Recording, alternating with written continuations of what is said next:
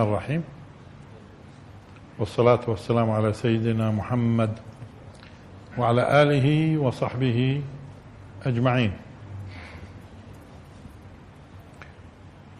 آه، اليوم إن شاء الله نتحدث في قصة يونس. يونس عليه السلام. ممكن في دروس سابقة كان في أحيانا آه، كلام اليوم لا بنمشي باتجاه مختلف شوي.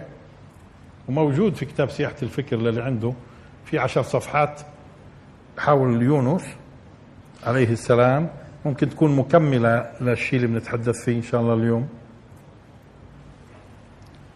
يونس. أولا هو يونس عليه السلام مشهور عند المسيحية المسيحيين يونان. وعند اليهود يونا أو ممكن يكون في آخرها ها يونة. مش هيك أحمد؟ يونة. يونا عند اليهود. عند المسلمين إيش؟ يونس. وإحنا سبق ممكن بينا ليش هو يونس بالسين ممكن نرد إن آه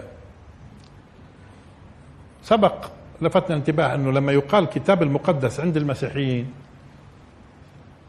الكتاب المقدس يقصد فيه آه، أول 39 سفر سفر يعني كتاب صغير سفر أول 39 سفر هذه بسموها العهد القديم. وبعدين 27 سفر العهد الجديد. مجموعهم بسموه كتاب مقدس.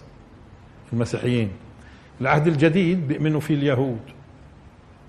العهد العهد القديم. العهد القديم والجديد بيؤمنوا فيه النصارى. مع اختلاف طبعا. اختلاف في إيش؟ مش كل الأسفار بيعترفوا فيها.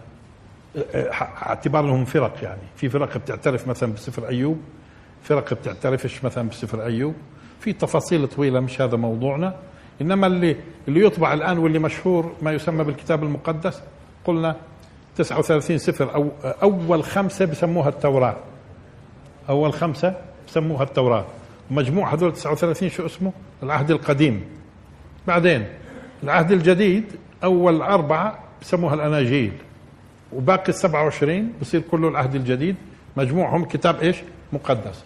الآن السفر آه، سفر يونان موجود أو عند اليهود يعني سفر يونا. موجود. في الأسفار العهد القديم. في أسفار العهد القديم. موجود. ومش طويل هو يعني. قصة يونس عليه السلام. قصة يونس عليه السلام. هون بدي أتوقف شوي. هون بدي أتوقف شوي. ونقول إنه أحيانا نجد آه، أمور موجودة في التوراة والإنجيل أو في العهد القديم. والكتاب المقدس وتتوافق أحيانا مع القرآن وأحيانا تختلف تتناقض. هون لابد اولا نلفت الانتباه على وجه السرعة. اولا أصلا التوراة هي نازلة يعني كتاب منزل كذلك الإنجيل. لكن اللي بين إيدينا إحنا نكتشف إنه هو سيرة سيرة. وسير سير المسيح سير سيرة تتعلق بموسى عليه السلام. فأين التوراة الحقيقية؟ أين الإنجيل الحقيقي؟ فيش إثبات الآن. آه، طيب هي سير. طيب معقول تكون هذه السير كلها خطأ؟ مش معقول. طيب ممكن زي سيرة الرسول صلى الله عليه وسلم إذا بتلاحظوا فيها ما يصح ها وفيها الضعيف وفيها الموضوع تختلط السيرة. آه، ولذلك في في الأناجيل أو في العهد القديم والعهد الجديد بنجد قصص أحيانا تلتقي زي قصة يوسف مثلا عليه السلام في التوراة موجود قصة يوسف اللي بيسموه توراة أول خمس أسفار قلنا التوراة. موجودة قصة يوسف في السفر الأول منها اسمه سفر الخروج. قصة يوسف موجودة. الهيكل القصة تجد تماما زي ما يقول القرآن لكن في آه في إيش؟ في اختلاف واتفاق اختلاف واتفاق. طب ليش حاصل هذا الاتفاق والاختلاف؟ لأنه ابتداء القصة حاصلة القصة حاصلة ولكن في تحريف فيأتي القرآن ويرد الأمور لنصابها وخصوصا أن التحديات الحقيقية للإسلام عبر التاريخ من نزول الإسلام إلى يوم القيامة راح يكون متمثل في أهل الكتاب. لأنهم هذول الناس اللي بيقولوا أنه إحنا اللي بين إيدينا من السماء موحى به. يعني البوذي ما بقول لك موحى إلي ولا الهندوسي بقول لك إنه في وحي. اللي موجود إذا بتلاحظوا اليهودية والمسيحية تقول إحنا وحي من السماء. وإذا بتلاحظوا اخطر, أخطر ناس في مواجهة الفكرة الإسلامية مين؟ ما يسمى بأهل الكتاب. ولذلك القرآن عالج موضوع أهل الكتاب بالتفصيل. بالتفصيل. ولذلك مناسب جدا إنه يأتي للشيء اللي مذكور عندهم ويصحح فيه. وهذا بيسهل على فكرة بيسهل استقطابهم كمان وإيمانهم.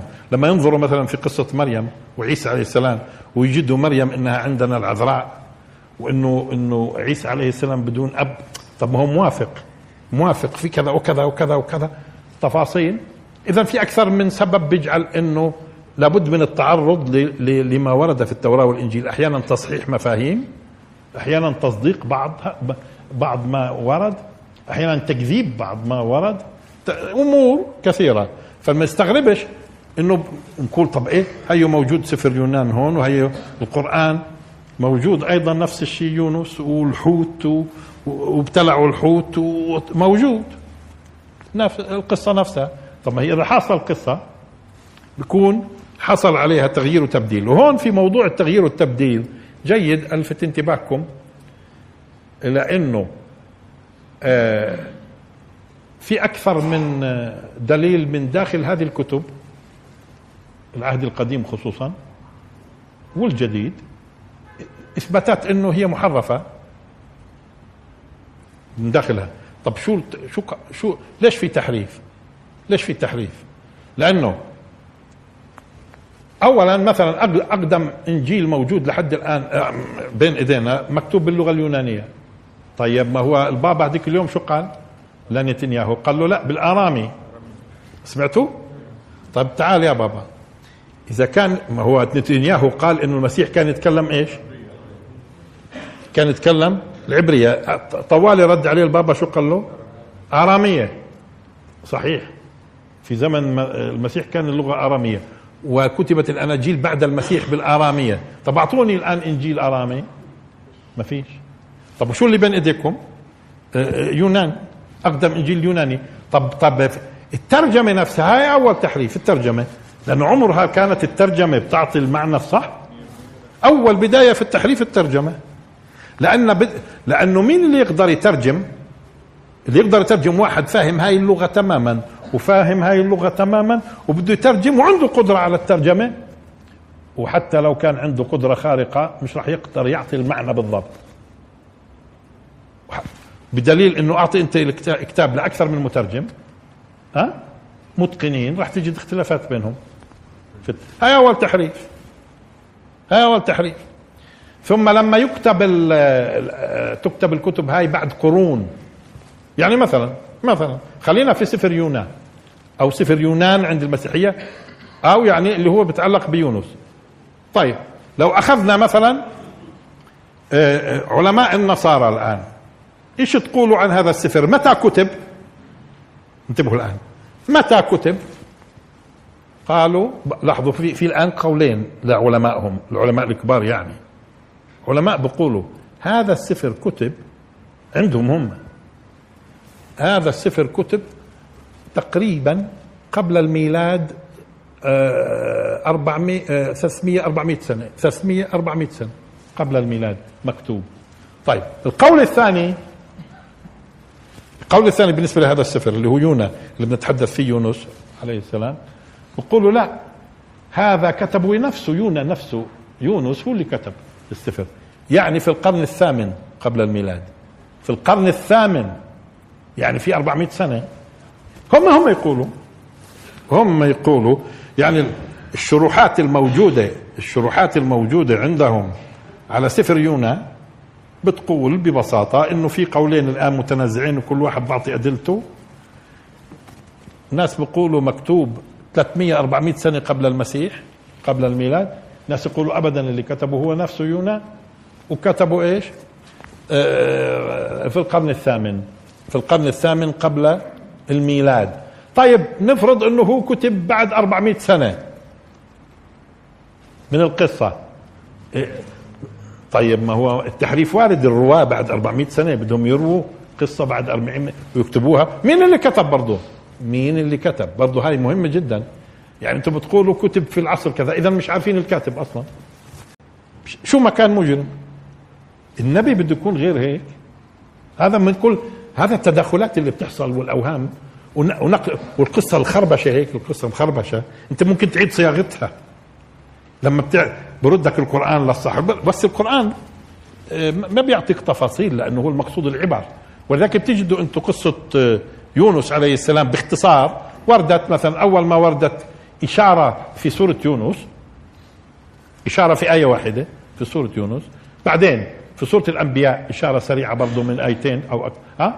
بعدين عندك في سورة الصافات بعدين إشارة في سورة آه، آه، نون والقلم وما يسطرون بشكل بس هالأربع.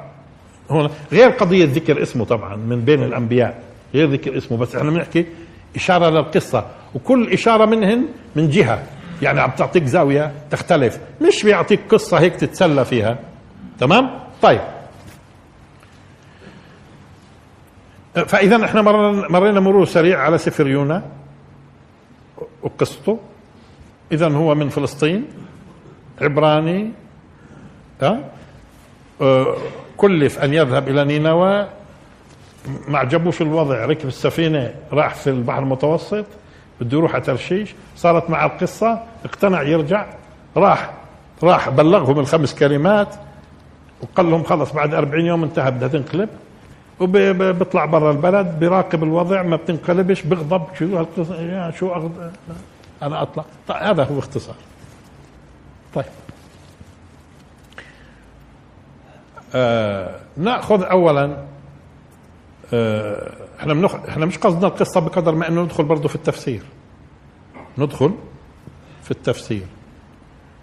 آه من خلال آه، تقديراتهم اذا اذا هو عصر يونس عليه السلام بيرجع بيرجع للقرن الثامن قبل الميلاد.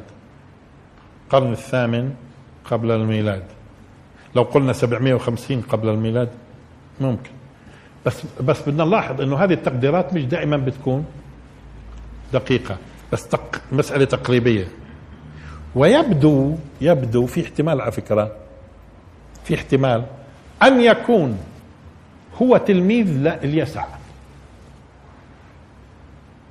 تلميذ لليسع في مؤشرات لأنه في تقارب زمني وفي إشارات في بعض في إشارات أثناء الكلام عنه أنه هو ممكن يكون تلميذ لإلياسع لأنه عندكم إيليا عندهم اللي هو عندنا إلياس. تلميذه اسمه أليشع عندهم اللي هو اليسع عندنا. اليسع ثم يبدو يونس. تلميذ مين؟ تلميذ آه، آه، اليسع بس بدنا نعرف وهذا طبعا بقول هذا الكلام بعدين ببين معنى ليش. بس بدنا نعرف إنه اليسع ما أصبح نبي إلا بعد ذهاب. ايليا اللي هو آه، إلياس. إلا بعد رفع إلياس.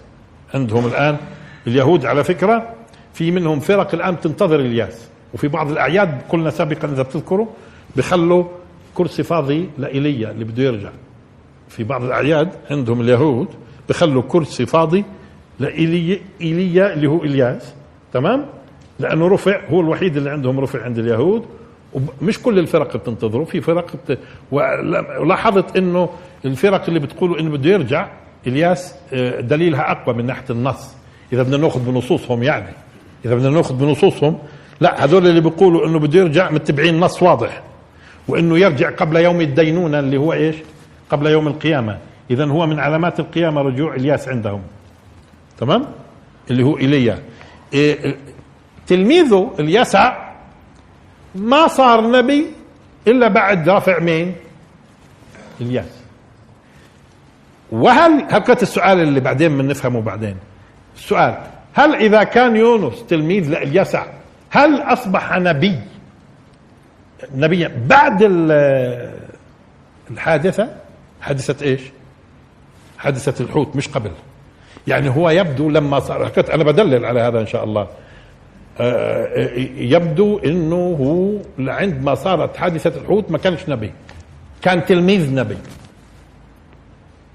انتبهوا الآن. كيف الحواريين مثلا؟ تلاميذ مين كانوا؟ تلاميذ مين؟ تلاميذ المسيح عليه السلام. وضربت لكم مثال اليسع تلميذ مين؟ ايليا يونس عليه السلام ونعطي الأدلة فيما بعد إن شاء الله. يونس عليه السلام كان لما حصلت الحادثة مش ما كانش نبي. لما حصلت الحادثة ما كانش نبي. بعد القصة قصته في في البحر أصبح نبي. تمام؟ بنشوف. بنشوف. ما إحنا راح نجيب لابد من دليل. الأدلة. تمام؟ هذه مهمة ليش؟ لأنه كلهم هم يتكلموا مش كلهم بجوز بجوز يكون شذ بعض الناس من القدم. بيزعموا إنه هو كان نبي لما صارت مع القصة وهذا الكلام الموجود في القرآن لا يتلائم مع نبي اللي هو إيش؟ آه لاحظوا. آه أبقى. آه مليم يعني مستحق للوم. مش هيك لولا أن تدارك نعمة من ربه لنبذ بالعراء وهو مذموم. إيش هذا؟ هذا معقول يقال في نبي؟ إذا هي قصة حاصلة معك قبل النبوة. بعد شو دليلنا بنشوف إن شاء الله. بس قبل هيك. إذا هو أرسل لوين؟ نينوى. هيك بقولوا. نينوى. وعندنا في السيرة وعندنا في السيرة قصة آه، لما الرسول صلى الله عليه وسلم ذهب للطائف وبتعرفوا قصة عداس؟ و... وعداس هذا كاين من نينوى بس هذه دير بالكم القصة في السيرة مش معناته إنه صحيحة. يعني مش معناته بترتقي لدرجة الصحة. هذا يعني ممكن يعتبروه مما مما صح في السيرة أو من القوي في السيرة. أما إذا بدنا نطبق عليه علم مصطلح الحديث أصول الحديث ممكن مسألة إنه عداس ونينا وهاي ما يكونش بنقدر نعتمد عليها تمام وإن كانت مشهورة وإن كانت مشهورة ومشهور الدعاء الدعاء اللي هو واضح إنه دعاء بليغ جدا وفعلا فيه نور النبوة. دعاء الرسول صلى الله عليه وسلم لما لجأ لإيش لا لبستان وجدار آه، في الطائف. مش هيك إن لم يكن بك علي غضب فلا أبالي. الجميل هذا الدعاء الجميل جدا اللي هو؟ آه, آه, آه إذا لم يكن إذا إذا كان فيه شيء من الضعف بس واضح فيه نور وبلاغة فوق مش عادية الدعاء اللي فيه قصة عداس ونينوى. على كل فيش شيء بيمنعنا نقبل القول بإنه نينوى لأنه لأنه القصة إذا بتلاحظوا هي آه، ممكن آه، هيكلها صح كله هيكلها موجود اللي, مو اللي موجود في القرآن بيعطيك صورة إنه اللي في سفر يونا الهيكل صح. مع بعض التفاصيل. كيف اليقطينة مثلا؟ مش بعد ما طلع من الحوت لا. هو بنتظر برا البلد. هاي يقطينة جابوها من هون لهون. تمام؟ طيب. وكيف قال يعني إنه بيحتج؟ بيحتج على والاحتجاج هذا بعد إيش؟ بعد قصة الحوت. وفي القرآن هو ذهب مغاضب قبل قصة الحوت. قبل. تمام؟ إذا طيب. نينوى. نينوى. اولا نينوى على فكره من البلاد من المدن العريقة في التاريخ. اليوم عندك نهر دجلة. نهر دجلة بقسم الموصل. الجهة الغربية اسمها الموصل والأدق لغة أن تقول الموصل والنسبة إليها إيش؟ الموصلي. لأنه في ناس بيقولوا الموصلي. مثلا إسحاق الموصلي. الأدق شو تقول لغة الموصلي. بس خلينا نقول الموصل مش قضية. ها؟ الموصل. موصل. عندك دجلة؟ عندك دجلة. الجهة الغربية يعني في اتجاهنا الجهة الغربية اسمها موصل. الجهة الشرقية اسمها نينوى القديمة. نينوى. إذا نينوى الأثرية القديمة بتقع شرق دجلة وفي أثر شرق دجلة. آه، وغرب دجلة شو بيجي؟ الموصل الموصل. تمام؟ طب هي وين بتوقع الموصل على فكرة؟ يعني قديش تبعد مثلا عن فلسطين؟ ممكن في حدود 800 كيلومتر من هون. 800 كيلومتر ما هي بتقع في الشمال الغربي للعراق. لذلك محافظة نينوى في العراق هي محافظة شمال غرب شمال غرب. يعني هي اللي جاي إيش؟ في اتجاه سوريا. في اتجاه سوريا. على حدودها يعني محافظة نينوى اسمها. هي مسمى اذا مش محافظة الموصل. مش بسموها محافظة الموصل وكأنه سموها محافظة نينوى بالنسبة لايش؟ للجهة الشرقية من الموصل اللي هي نينوى القديمة الآن نينوى عريقة في التاريخ. يعني بمعنى تقول 4000 قبل الميلاد 5000 قبل الميلاد آه. نينوى لكن الأشوريين الأشوريين اتخذوها عاصمة في حدود يعني 1080 قبل الميلاد. يعني مش دائما هذه التقديرات دقيقة. الأشوريين اتخذوها عاصمة. دولة أشور ما هي دولة كانت عظمى في مرحلة من المراحل. دولة أشور كانت دولة عظمى في مرحلة من المراحل وعملت إمبراطورية ضخمة. واجتاحت المنطقة هاي كلها. اجتاحت المنطقة كلها. كانت عاصمتها إيش؟ نينوى. اذا نينوى لها تاريخ تاريخ كعاصمة لدولة آشور. الزمن اللي فيه يونس عليه السلام ها واضح إنه كانت العاصمة نينوى عاصمة أقوى دولة في حينه. يعني كيف تقول واشنطن يعني؟ اليوم؟ تمام؟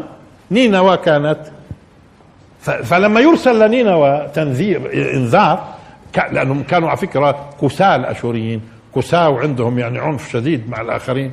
والأمم الثانية لما بيجتاحوها واجتاحوا المنطقة في, في سنين آه، آه، يعني مختلفة. آخر شيء قضوا على دولة آه، ما يسمى بدولة إسرائيل الشمالية سنة 722 قبل الميلاد.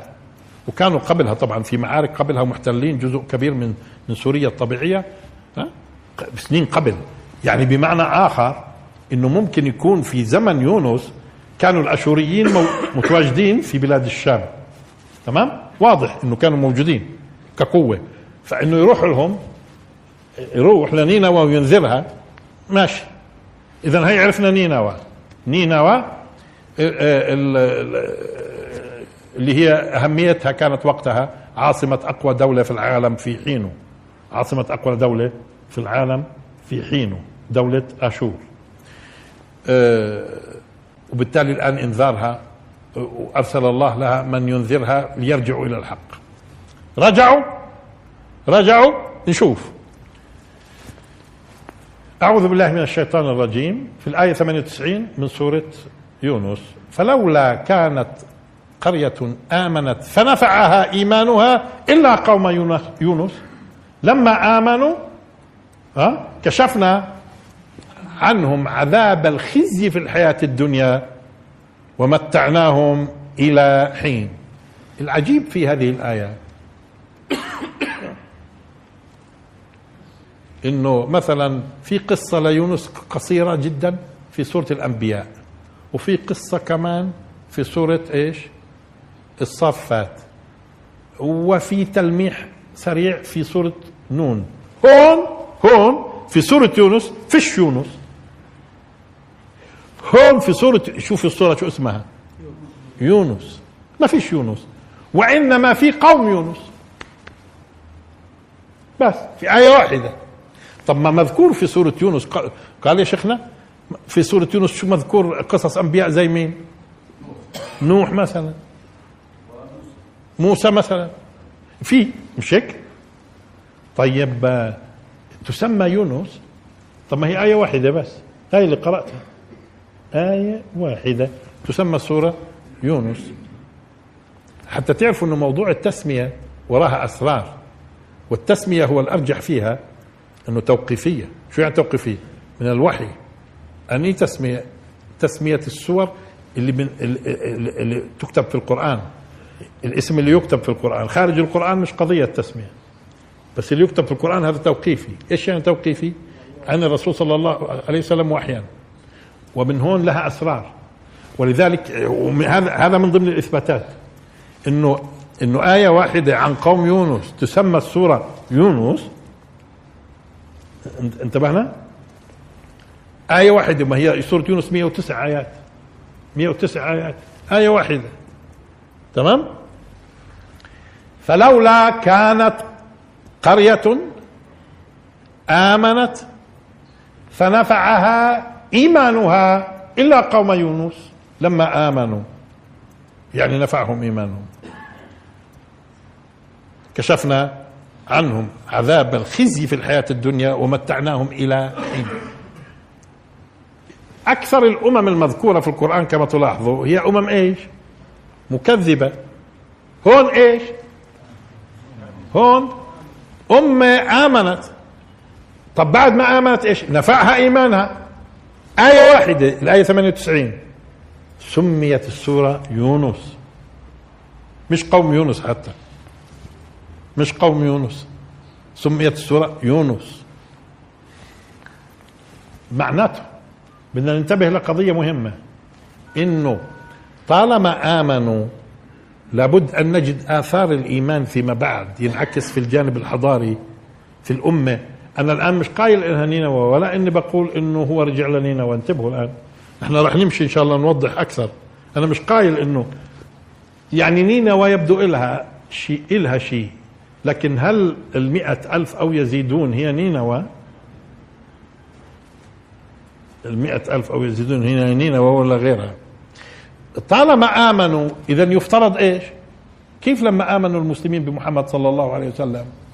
بدينا نلاحظ الأمور شوي شوي بدأ يظهر الفقهاء والعلماء ويظهر عندك الشافعي وأبو حنيفة وعلماء الحديث وعلماء الكلام وبعدين صار يظهر الرازي وابن سينا والتفاصيل هاي كلها. اذا هي طالما آمنوا لازم نشوف آثار. اذا أهمية مع أنها آية واحدة بس شوفوا قديش مهمة. هذول آمنوا. يونس اسمها. طب شو علاقة السورة كلها الآن مع هذا الكلام؟ ونفعها ايمانها وبالتالي لابد يكون في آثار. نشوف الأثر. هل هل فعلا تاريخيا مثلا نينوى بنعرف من تاريخها فترة هيك مضيئة وأنتجت حضارات قائمة على الحق؟ ولا ممكن يكون المئة ألف أو يزيدون في مكان ثاني؟ في مكان ثاني. خلينا بس الآن نفسر الآية هاي.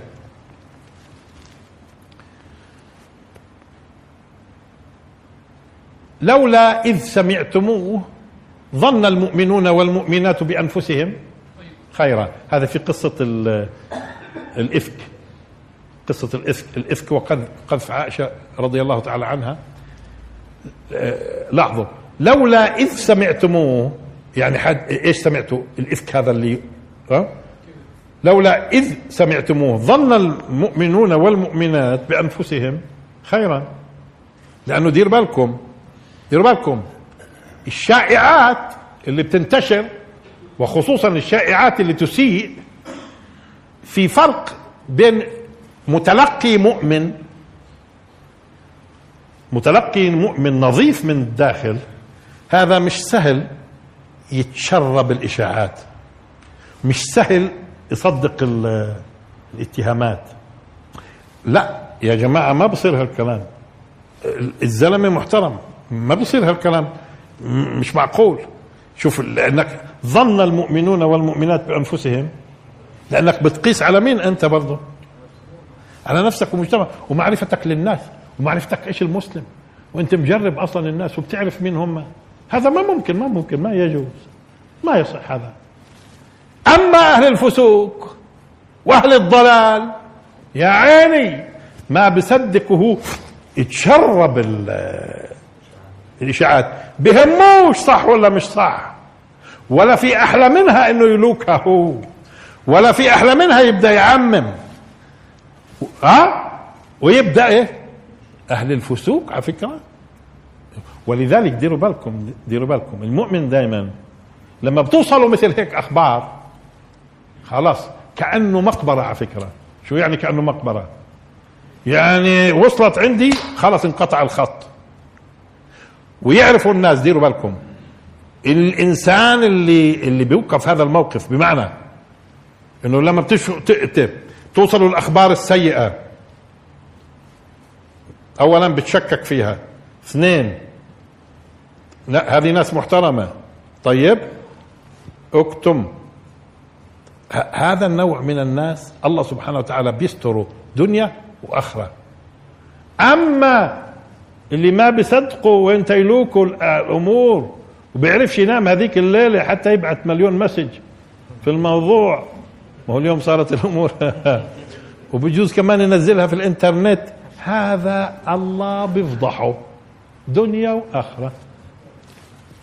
فالواحد ديروا بالكم. ديروا بالكم.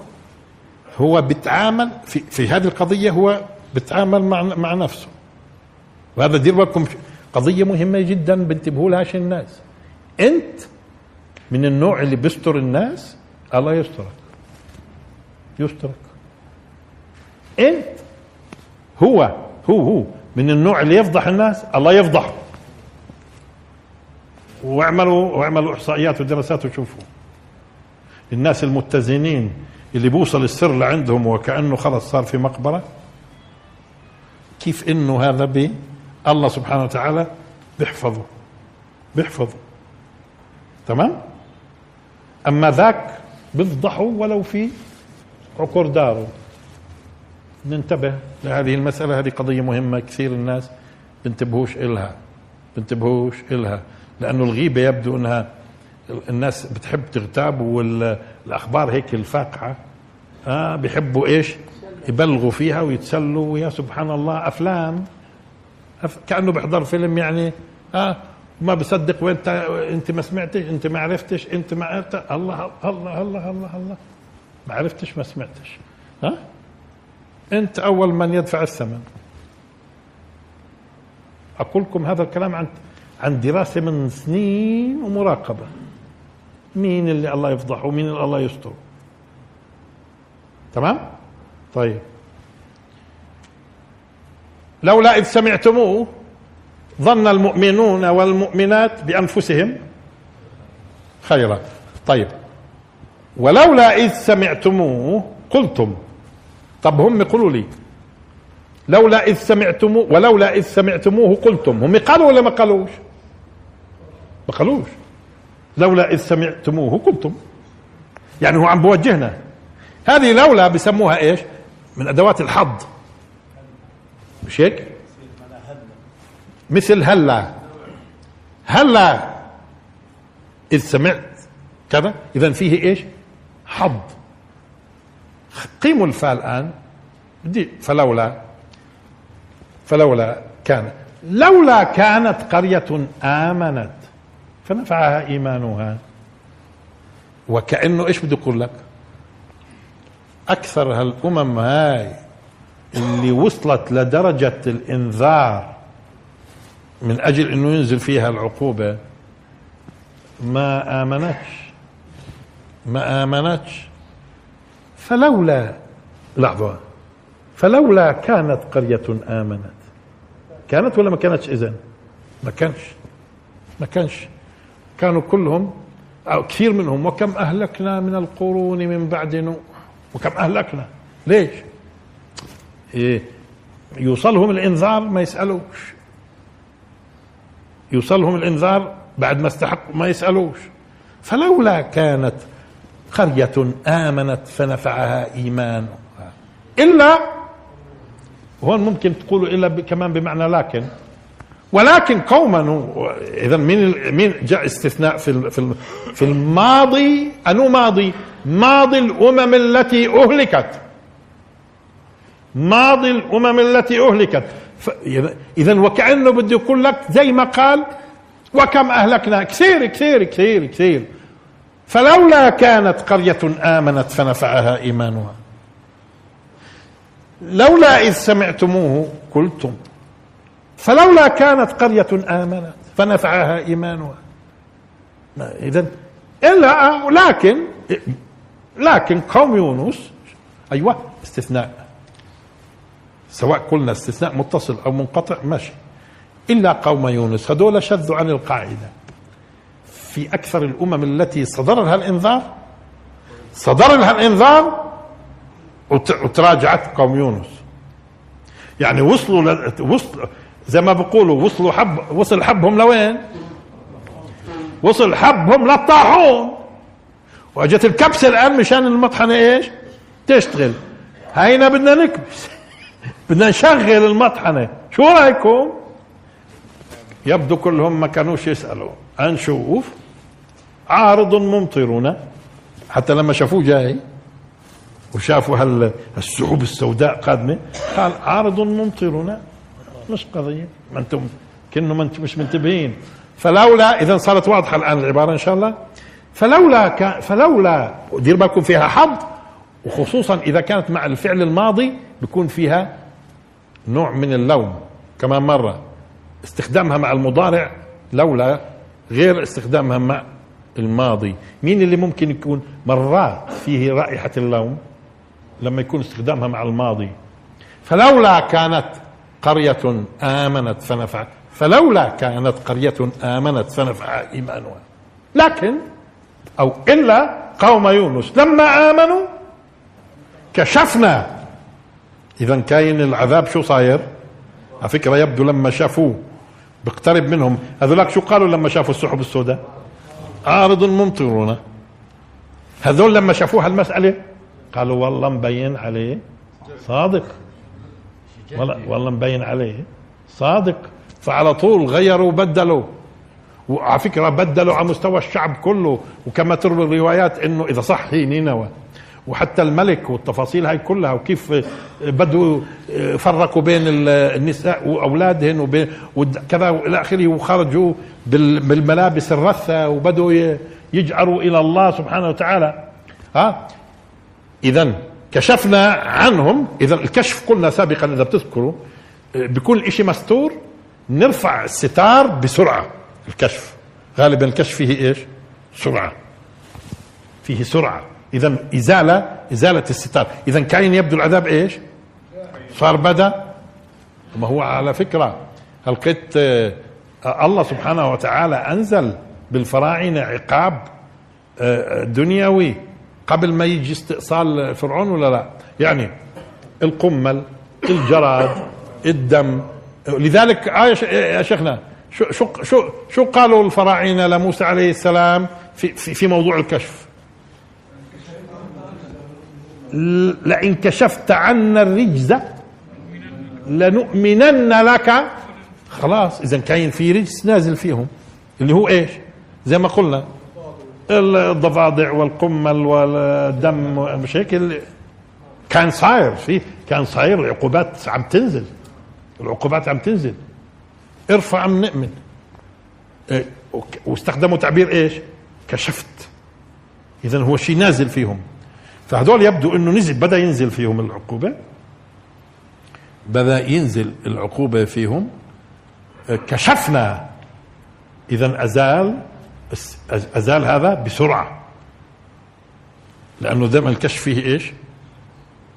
ها؟ كيف لما يكشف الحقائق؟ تكون حقائق مخبية بزيح عنها الستار بتصير واضحة كشفنا عنهم عذاب الخزي ممكن نرجع فيما بعد لكلمة خزي مش مش وقته الآن. عذاب الخزي في الحياة الدنيا ومتعناهم إلى إلى حين. هذول آمنوا. كثير شفتوا في القرآن مثلهم. لا بس شفنا بدون ما يذكرهم. مثلا يعقوب عليه السلام كان موجود في زمن واضح الناس مؤمنة. فيش إشكال. إسحاق موجود في زمان الناس مؤمنة. فيش إشكال. إبراهيم عليه السلام وهو موجود هون الناس مؤمنة. فيش إشكال. وزكريا ويحيى برضه في إيمان. آل عمران في إيمان. اذا في عصور في عصور صار فيها إيمان. داود وسليمان الناس مؤمنة. انتبهتوا كيف؟ اذا اذا جت عصور إيمانية وناس مؤمنة. وشعوب مؤمنة. ديروا بالكم ها. شعوب مؤمنة. بس القرآن أكثر ما ذكر الأمم المكذبة والدروس اللي حصلت نتيجة التكذيب. ها؟ و وفي ودائما البشر كما قلنا سابقا بين الترغيب والترهيب يعني قطبي الخوف آه، والرجاء رغبا ورهبا خوفا وطمعا. هذول لما شافوا آمنوا فكشف عنهم. طيب هذا واحد. ننتقل الآن لسورة آه، آه، الأنبياء.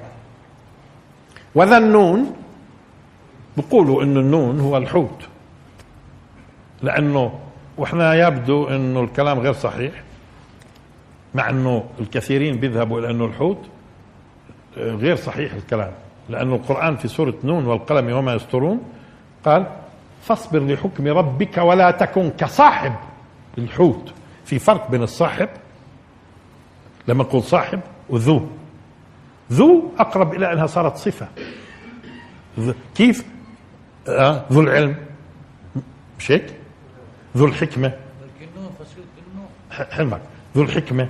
بس المصاحبة المصاحبة آه، بيكون في تلازم لفترة. صحبة. ما دخلتش في موضوع الصفة إنه صار صفة. ومين قال يعني إنه الحوت صار صفة؟ ل ليونس فمتى يستخدم ذو وذا؟ ومتى يستخدم صاحب؟ هون في سورة نون استخدام صاحب. في سورة إيش؟ نون والقلم سورة القلم. كيف تبدأ سورة القلم؟ نون والقلم وما يسطرون طب ما يسطرون كتابتهم.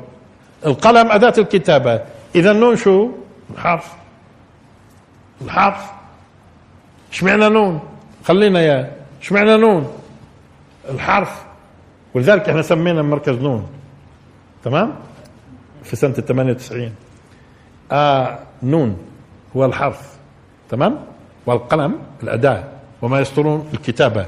وفي السورة نفسها بيقول سبحانه وتعالى فاصبر لحكم ربك ولا تكن كصاحب الحوت. ما قالش ذنون ما قال وإنما الآن إحنا في الأنبياء. في الأنبياء وذا النون اذا هذا مش صاحب الحوت. ذو أقرب إلى يكون صفة له النون إذ ذهب مغاضبا. مش غضبان مغاضب. شو يعني مغاضب؟ معناته في طرف ثاني إيش؟ بينه وبينه مغاضبة.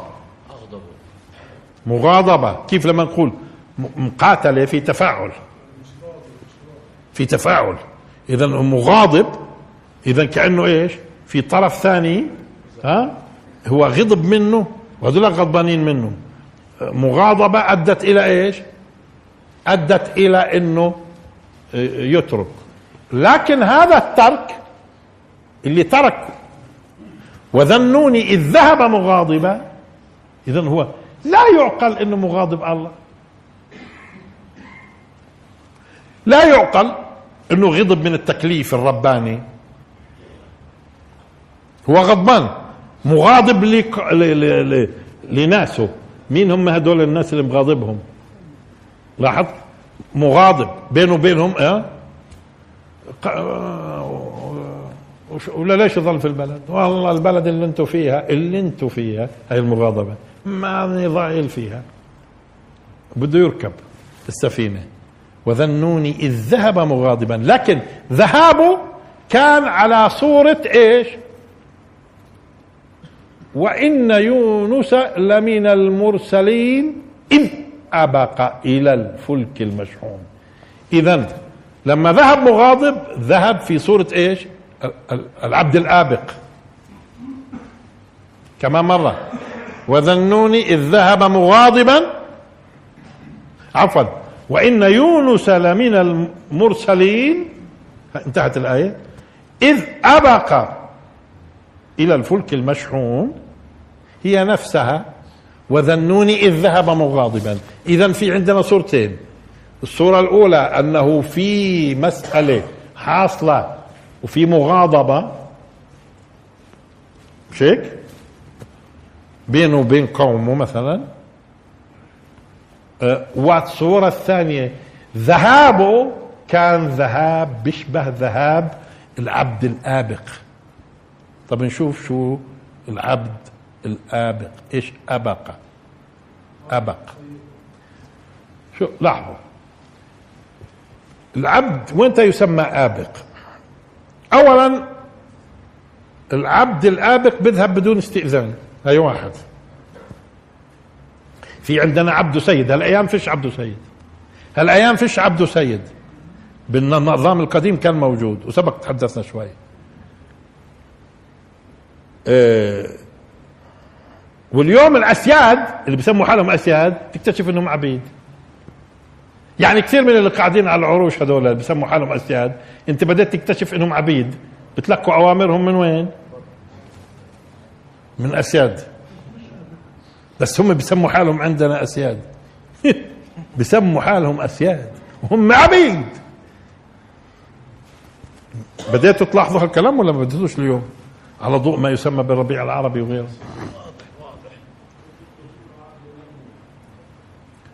الآن أولا العبد متى يكون آبق؟ العبد يكون آبق لما يذهب بدون استئذان سيده أي واحد. اثنين يذهب بدون ما يكون خايف من سيده. لأنه إذا إذا هرب خايف هذا مش آبق هذا خايف وراح تخبى في محل. هذا مش آبق. آه وبدون ما يكون سيده مكلفه إشي شاق. مرات من كثر ما أتعبه أتعبه أتعبه بهج. هذا مش آبق. إذا علماء اللغة وين تعتبروا آبق؟ أو يعني حتى ينطبق عليه آبق. مش هيك العبد الآبق. أولا في عند يذهب دون استئذان سيده بدون ما يكون خايف بدون ما يكون خايف بدون ما يكون سيده شادد عليه. يعني اذا هو ذهابه لأنه بدوش هالعلاقة. بس. لا خايف لأن في ناس بهربوا من الخوف. بتروح بروحوا بتوسطوا ناس بيقولوا له خلص ارجع وتخافش أو يا عمي هذا بشغلني 15 ساعة وبعدين مع هالشغلة. تمام؟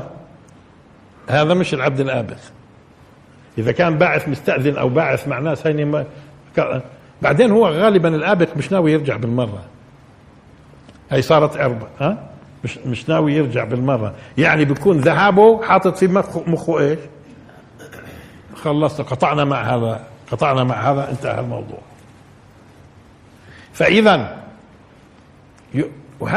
يونس عليه السلام لما وذنون وبعدين فيما بعد بلكي نفصل في موضوع ذنون وذنون إن شاء الله وذنون إذ ذهب مغاضبا فظن أن لن نقدر عليه. إيش نقدر هون في حدا من البشر اللي عنده إيمان ما هو مؤمن أصلا هو بس ما قلناش نبي لحد الآن. ما هو مؤمن. ما قلناش نبي. بظن في حدا مؤمن بظن إنه الله بيقدرش عليه. ولا إيش؟ فأما الإنسان إذا ما ابتلاه ربه فأكرمه ونعم فيقول ربي اكرما وأما إذا ما ابتلاه فقدر عليه رزقه ضيق فيقول ربي اهانا إذا شو معنات قدر عليه رزقه؟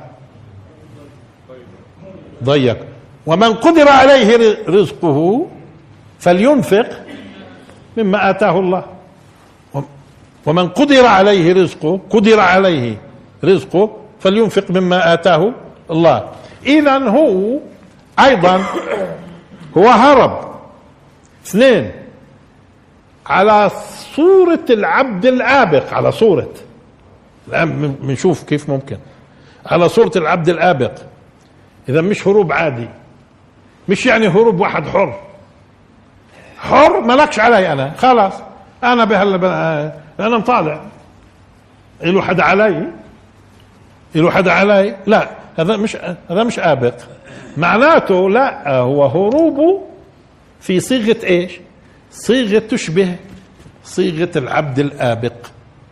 معناته في كاين عنده تكليف. كان عنده تكليف. هذا التكليف مش شاق. ثم هو خرج بدون استئذان بعد ما كان مكلف. خرج بدون استئذان بعد ما كان مكلف. معناته اللي معطيه التكليف يشبه علاقة العلاقة فيها بعلاقة مين؟ آمر ومأمور يعني العبد والسيد. انتبهتوا كيف؟ اذا هي المسألة هيك. اذا في علاقة بين آمر ومأمور. اذا في معناته علاقة بين يونس عليه السلام ومن أمره وكلفه. واضح إنه التكليف هذا مش شاق. حصلت مغاضبة. قصة ما. ما استأذنش. ترك التكليف اللي كلف فيه وركب السفينة والقضية بدها تكون قضية مهمة لأنه مش معقول واحد بده يركب سفينة ويروح في البحر وأبصر على يا بلاد ومش ناوي يرجع.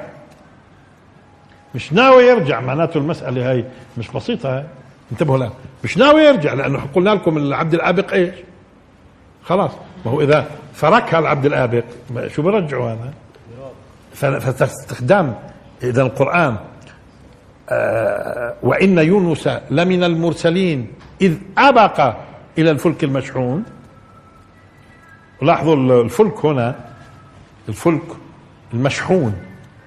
المشحون معناته من من السفن على فكرة اللي إيش؟ الكبيرة اللي وفيها إيش؟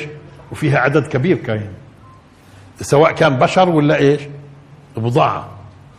وتنسوش إنه في ذاك الزمان كانت قضية السفن خصوصا الفينيقية وغيرها في البحار في البحار كانت نشيطة جدا. وسفن ضخمة سفن ضخمة. في ذاك الزمان كان موجود هذه السفن الضخمة. اذا تعبير فلك مشحون. طب إيش الفرق بين. و... وفلك؟ الفلك هو الفلك. الفلك ليش سميه فلك؟ مرات نسميه فلك مرات نسميه سفينة. السفينة على فكرة باختصار السفينة من سفنة. السفن السفن فيه كشط كشط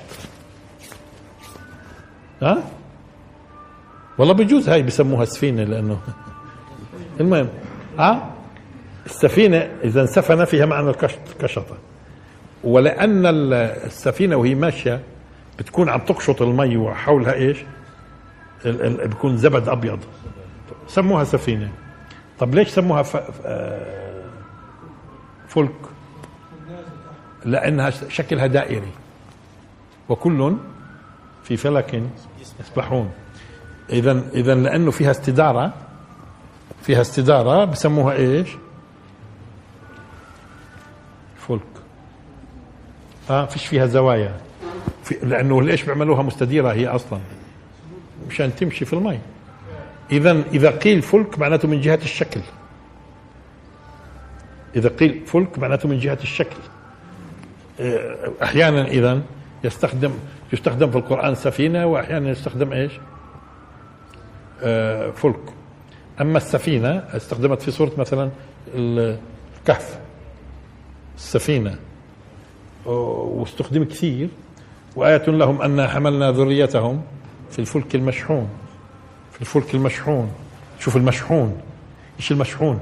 هذا بيعطيك صورة إنه هو اولا كبير ومليء بالبشر ومليء بال بالبضاعة. وكان كما قلنا البحر البحر الأبيض المتوسط وقتها فعلا نشيط في الحركة التجارية وأهمهم من الفينيقيين اللي كانوا مبدعين في هذه المسائل. وكان برضه اليونان اليونان وعلاقة البلاد هاي باليونان. طيب. آه إذ أب وذنوني إذ ذهب مغاضبا فظن أن لن نقدر عليه. اذا برضه لما ترك هذا التكليف من قبل سيد يبدو في علاقة آمر ومأمور وترك التكليف وذهب مش ناوي يرجع. ذهب مش ناوي يرجع. وعن اجتهاد. اجتهاد. اجتهاد إيش؟ على فكرة. إنه الله مش مضيق علي. ما هي أرض الله واسعة. وما أظنش يعني ما فيش إلا أنا. لهالمسألة هاي. فيش إلا أنا لهالمسألة طيب ما أنت كلفت الآن مين اللي كلفه أنا مقتنع أنه مش نبي لحد الآن. تمام؟ بعدين نوضح أكثر. طب ما أنت كلفت أنت. أنت كلفت في المسألة.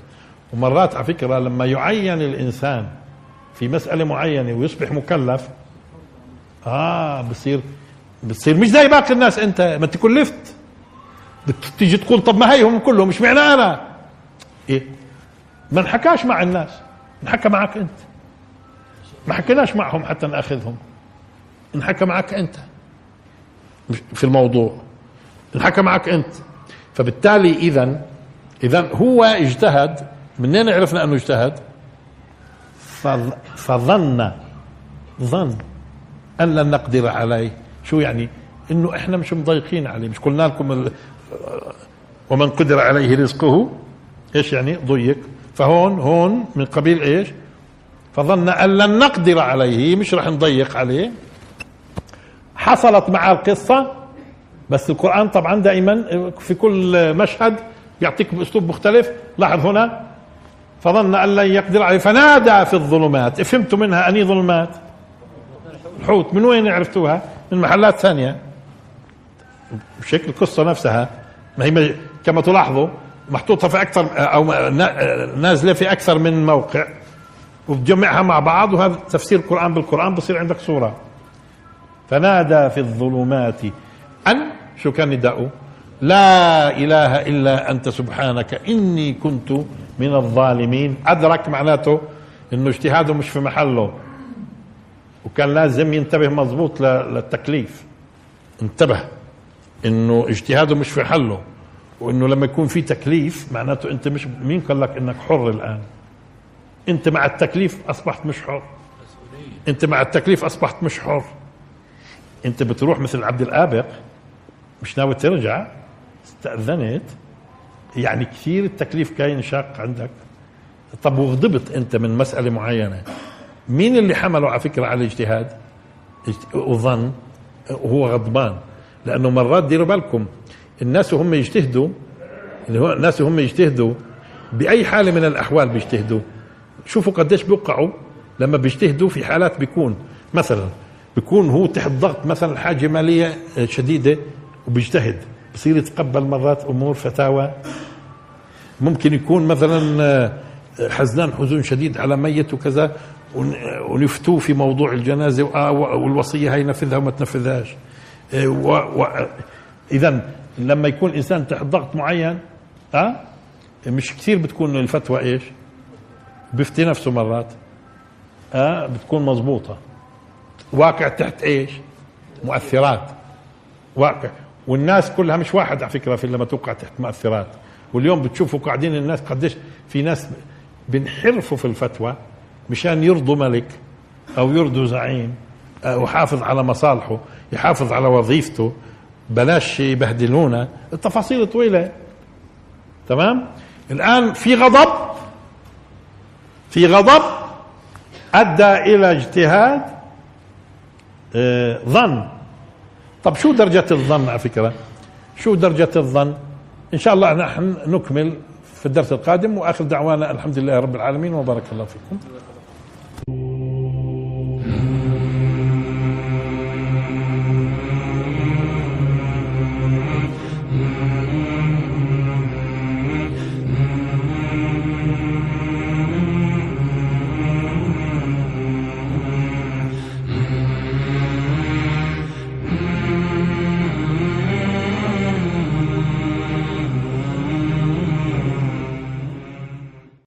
أنتوا لما تقولوا إنه كتب وتختلفوا وين كتب في الزمن اذا الشخص مش معروف لأنه لو معروف الشخص اللي اللي كتب كان بيكون زمنه معروف ولا لا؟ مش معروف اللي كتب. وإذا كان مش معروف اللي كتب هذا عندنا في علم أصول الحديث معناته الحديث إما ضعيف أو موضوع. إما ضعيف أو موضوع. الآن بديش أخوض في أسباب إيش أسباب التحريف؟ يعني كيف بيحصل التحريف؟ لكن لكن أنا بدي أعطيكم عبارة آه الآن بدي أعطيكم عبارة آه مأخوذة من قاموس الكتاب المقدس. يعني مين اللي كاتبه؟ كبار لاهوتيين يعني علماء مؤمنين. بدي أعطيكم عبارة. شوفوا عمارتهم. ومما لا شك فيه شوفوا شوفوا التعبير. ومما لا شك فيه أن معظم الأسفار المقدسة أتلفت أو فقدت في عصر الردة. أشرح. هذا الآن وين موجود الكلام؟ في قاموس الكتاب المقدس. أنا اللي كاتب هاي المقدمات في القاموس؟ آه، اللاهوتيين. مين اللاهوتيين؟ يعني كبار مؤمنين علماء. تمام؟ ومما لا شك فيه تصوروا. ومما لا شك فيه أن معظم الأسفار المقدسة معظم الأسفار المقدسة أتلفت أو فقدت في عصر الردة. أيوة أي ردة. لأنه لما بتقرأ أصلا في العهد القديم وإحنا قلنا 39 سفر بتجد إنه في عصور ارتد اليهود عن الدين وصاروا يعبدوا الأوثان ومن ضمن ما بيعبدوها عبدوا مثلا بعل.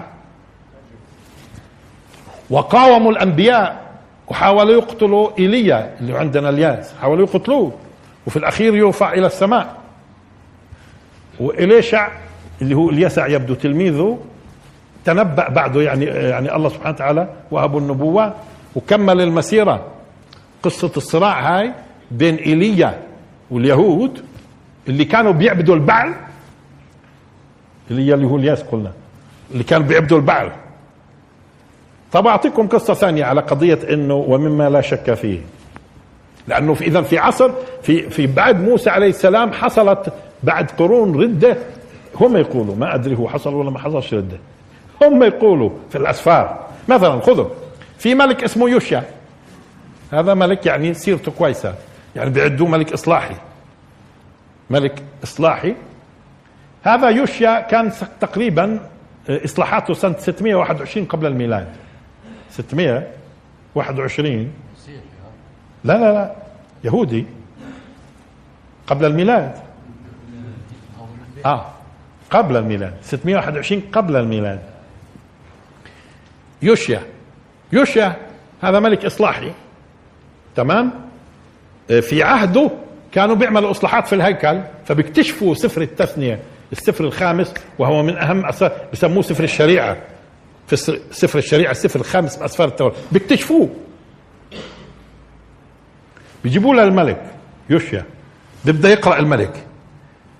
بيكتشف إنه الناس بعيدة كثير عن الدين فيأمر بهدم الأوثان والتفاصيل هاي وبيعمل أصلاحات دينية. اذا كاين ضايع بعد 600 سنة من موسى السفر التثنية الخامس. ضايع كاين. آه وهم يحكوا عن وهم يحكوا عن يوشع شو بيقولوا؟ ومما لا شك فيه هذه من عبارة وهم يتكلموا عن الملك يوشع وقصة اكتشاف سفر التثنية. وإنه هل هو سفر التثنية ولا مش سفر التثنية؟ معبوث فيه ولا مش معبوث فيه؟ بندريش فهمتوا كيف؟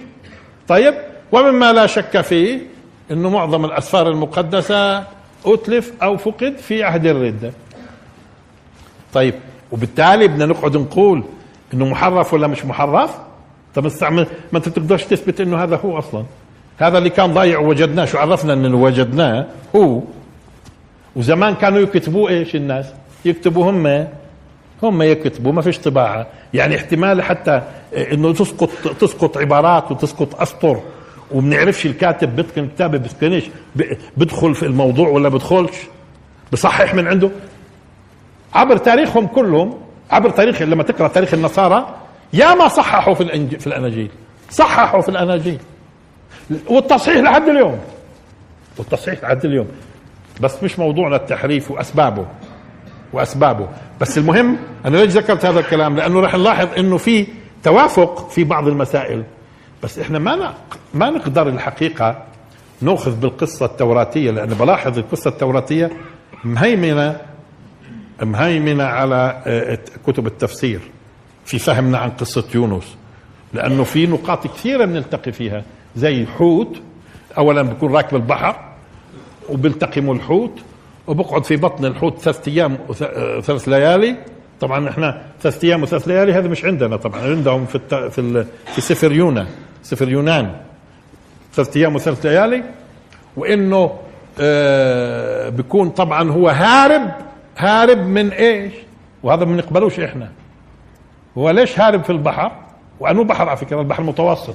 عندهم في البحر المتوسط. وهو رجل عبراني. ومن ومن جت. ومن جدهم في فلسطين. تمام؟ آه، اللي هو عندهم هم آه، يونا يونس يعني. وعبراني. الله سبحانه وتعالى بكلفه إنه يذهب إلى مدينة نينوى وينذرها. بخمس كلمات بس ويقولها بخمسه وبس. خمس كلمات شو بده يقول لهم؟ شو بده يقول لهم؟ بعد أربعين يوم تنقلب نينوى يعني تقلب. بس. هذول الخمس كلمات بده يقولها إنه يرجع. هيك في في إيش؟ في سفر يونا خمس كلمات ببلغهن بعد أربعين يوم تنقلب نينوى تمام؟ نحكي شوي في نينوى إن شاء إن شاء الله الآن لأنه حتى لأنه بدنا نجمع القصة. فما بيعجب إيه، طب نينوى نينوى عاصمة الأشوريين أعداء عدوة اليهود هون وبني إسرائيل. عدوة وطيب. فهو كأنه بيعجبوش. فبركب البحر وبده يسافر لبلد اسمها ترشيش. بركب البحر المتوسط. وبده يروح على بلد اسمها ترشيش. بتصير مع القصة في. إيش إيش مين ترشيش هاي؟ يعني هم محتارين يعني مين ترشيش وكثير منهم بقول هذه بلد في جنوب إسبانيا قريبة من جبل طارق. تمام؟ طبعا ليش بده يروح هناك على ترشيش؟ اللي هي لها اسم ثاني فيما بعد صار. تمام؟ بس متأكدين هم إنه ترشيش هذه البلد؟ طبعا لا. يقال كذا يقال كذا يقال كذا. لأنه بتغير الأسماء مع الأيام. وين هاي ترشيش؟ طب هل اللي كتب بعد 400 سنة متذكر اسم البلد مليح؟ هالمسائل هاي برضو انتبهتوا كيف؟ إنما ركب في البحر المتوسط وبتصير القصة معاه فبضطر يرجع وين؟ إيه خلاص بعد ما صارت القصة بروح على نينوى بعد ما كان مش عاجبه ليش مش عاجبه؟ لأنه هذول الأشوريين يعني بكرههم هو. لأنهم هم أعداء ما هو بدأ ما هو نيجي على أشور إن شاء الله مملكة أشور في نينوى مشان نعرف علاقتها بفلسطين فيما بعد وإيش القصة. آه، طيب هو بعدين بروح على نينوى وبنذرهم بنذرهم كم؟ كم يوم على فكرة؟ بدها تنقلب. أربعين. فالجماعة كنهم بصدقوا إنه بدها فبتوبوا إلى الله. فالله سبحانه وتعالى بيعاقبهم مش؟ بيعاقبهم مش؟ مين بيغضب لأنه الله ما عاقبهم مش؟ يونس. أطلع كذاب أطلع كذاب أنا ها؟ ماني قلت لهم بعد 40 يوم بدها تنقلب. طب هو أنت بتق... إحنا بنقول لهم بعد 40 يوم بدها تنقلب مشان شو؟ بس مشان يأخذوا معلومة إنها تنقلب ولا مشان يرجعوا إلى الله مشان ما تنقلبش؟ هو الأصل الإنذار إيش؟ وإذا أردنا أن نهلك قرية أمرنا متر فيها نبذل لهم أوامر. ارجعوا ضبطوا حالكم. ف... أمرنا متر فيها. ففسقوا شو يعني فسقوا؟ خرجوا على الأمر فحق عليها القول فدمرناها تدميرا. اذا الله سبحانه وتعالى ما بيهلك إلا بعد ما ينذر. يعني بتكون استحقت العقوبة. طالما استحقت العقوبة بينزل المفاجاه لا. إذا بتلاحظوا كل الأنبياء كل الأنبياء كانوا لما بده ينزل العقوبة شو يعملوا؟ يعطوهم إنذار خلال كذا يوم انتبهوا مش هيك؟ وإذا أردنا أن نهلك قرية أمرنا مترفيها إيش يعني أمرنا؟ إيش أمرنا؟ يعني قلنا لهم صوبوا أوضاعكم مش هيك؟ صوبوا أوضاعكم وإلا أمرنا مترفيها ليش المترفين بالذات؟ لأن المت... بعض الناس بظن المترف هو الغني. لا هو الغني الذي أفسده غناه. ومعظم اليوم حكام الناس إيش إذا بتلاحظوا يا أخوي؟ لما يكون الدولة مش دولة حق مين المترف في الغالب؟ طبقات هذه الحاكمة. الطبقات الحاكمة هاي المترفة اللي بتشوفوا اليوم منها العجب في ترفها وفي إيش؟ جشعها. والجشع شيء مخلوقات عجيبة على فكرة هاي اللي الله سبحانه وتعالى مبتلينا فيها. مخلوقات عجيبة. ليش؟ لأنهم بعيدين عن الحق. والحقيقة فبتجد الواحد همه هو هو. يعني مش همه البشر مش همه البشر. طيب المهم أمرنا متر فيها ففسقوا إيش فسقوا فيها؟ يعني لأنه الفسوق شو هو؟ الخروج على الأمر. يعني خرجوا على الأمر فحق عليها القول. أولا هي مستحقة. ثم أنظرناهم خرجوا على الأمر فحق عليها القول فدمرناها تدميرا. هون خمس كلمات هو عندهم. قايل قايلهم أه؟ الجماعة على طول تابوا. ما حصلش. ما حصلش. قال هو زعل.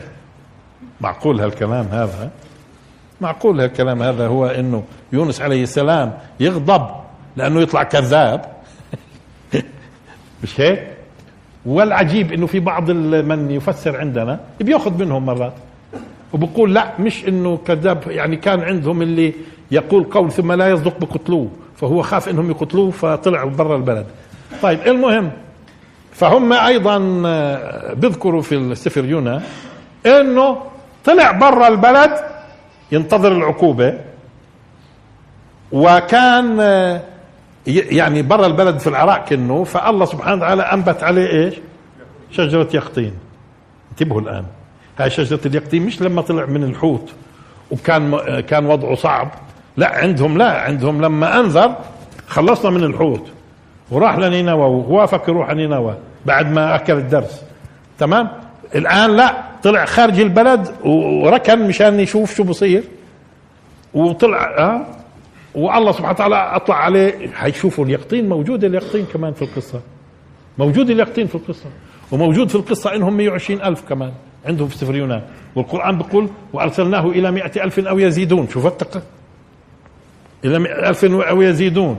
بس لاحظوا هناك القصة كانت بعد خروجه من جوف الحوت. وواضح بده يكون وضعه طبعا مش هيك وإذا في إفرازات الحوت وحروق كيماوية والتفاصيل هاي كلها مش هيك لكن هنا لا بالنسبة لهم وضعه سليم. هو, هو راح خارج البلد. طب مش لاقي شجرة خارج البلد؟ مش, مش لاقي شجرة خارج البلد. فحتى ينبت عليه الله آه، يقطينه. طبعا اليقطينة هاي بعدين بتموت. فب ف فيونس إيش؟ بيغضب غضب شديد إلى درجة إنه يتمنى الموت لانها اليقطينه فبقول له الله ها ها أنت اليقطينه هاي اللي لا أنت زارعها واللي كم يوم؟ ولما ماتت إيش؟ غضبت عليه هذا الغضب. وبدك أنا أهلك. آه، مدينة من 120 ألف. فهمتوا شو قصة اليقطينة هون صارت؟ هون صارت اليقطينة اللي كانت تظلله وماتت وكيف تأسف عليها وغضب غضب شديد. غضبت مشان يقطينة بنت يومين. أما هدول الناس 120 ألف بدك أنا أبيدهم. هو باقي الرسل بهالطريقة هاي؟ باقيين الرسل بهالطريقة هاي يعني بيغضبوا لأنه الله ما أهلكش اللي آمنوا. طب ما أنتوا أنتوا أنتوا أنتوا. قد ما تكون حاقد عليه أنت ممكن لتفاهاته وقديش هو مجرم. بمجرد ما آمن بتلاقي حالك إيش؟ آمن هيك وتاب بتلاقي أنت رقيت له.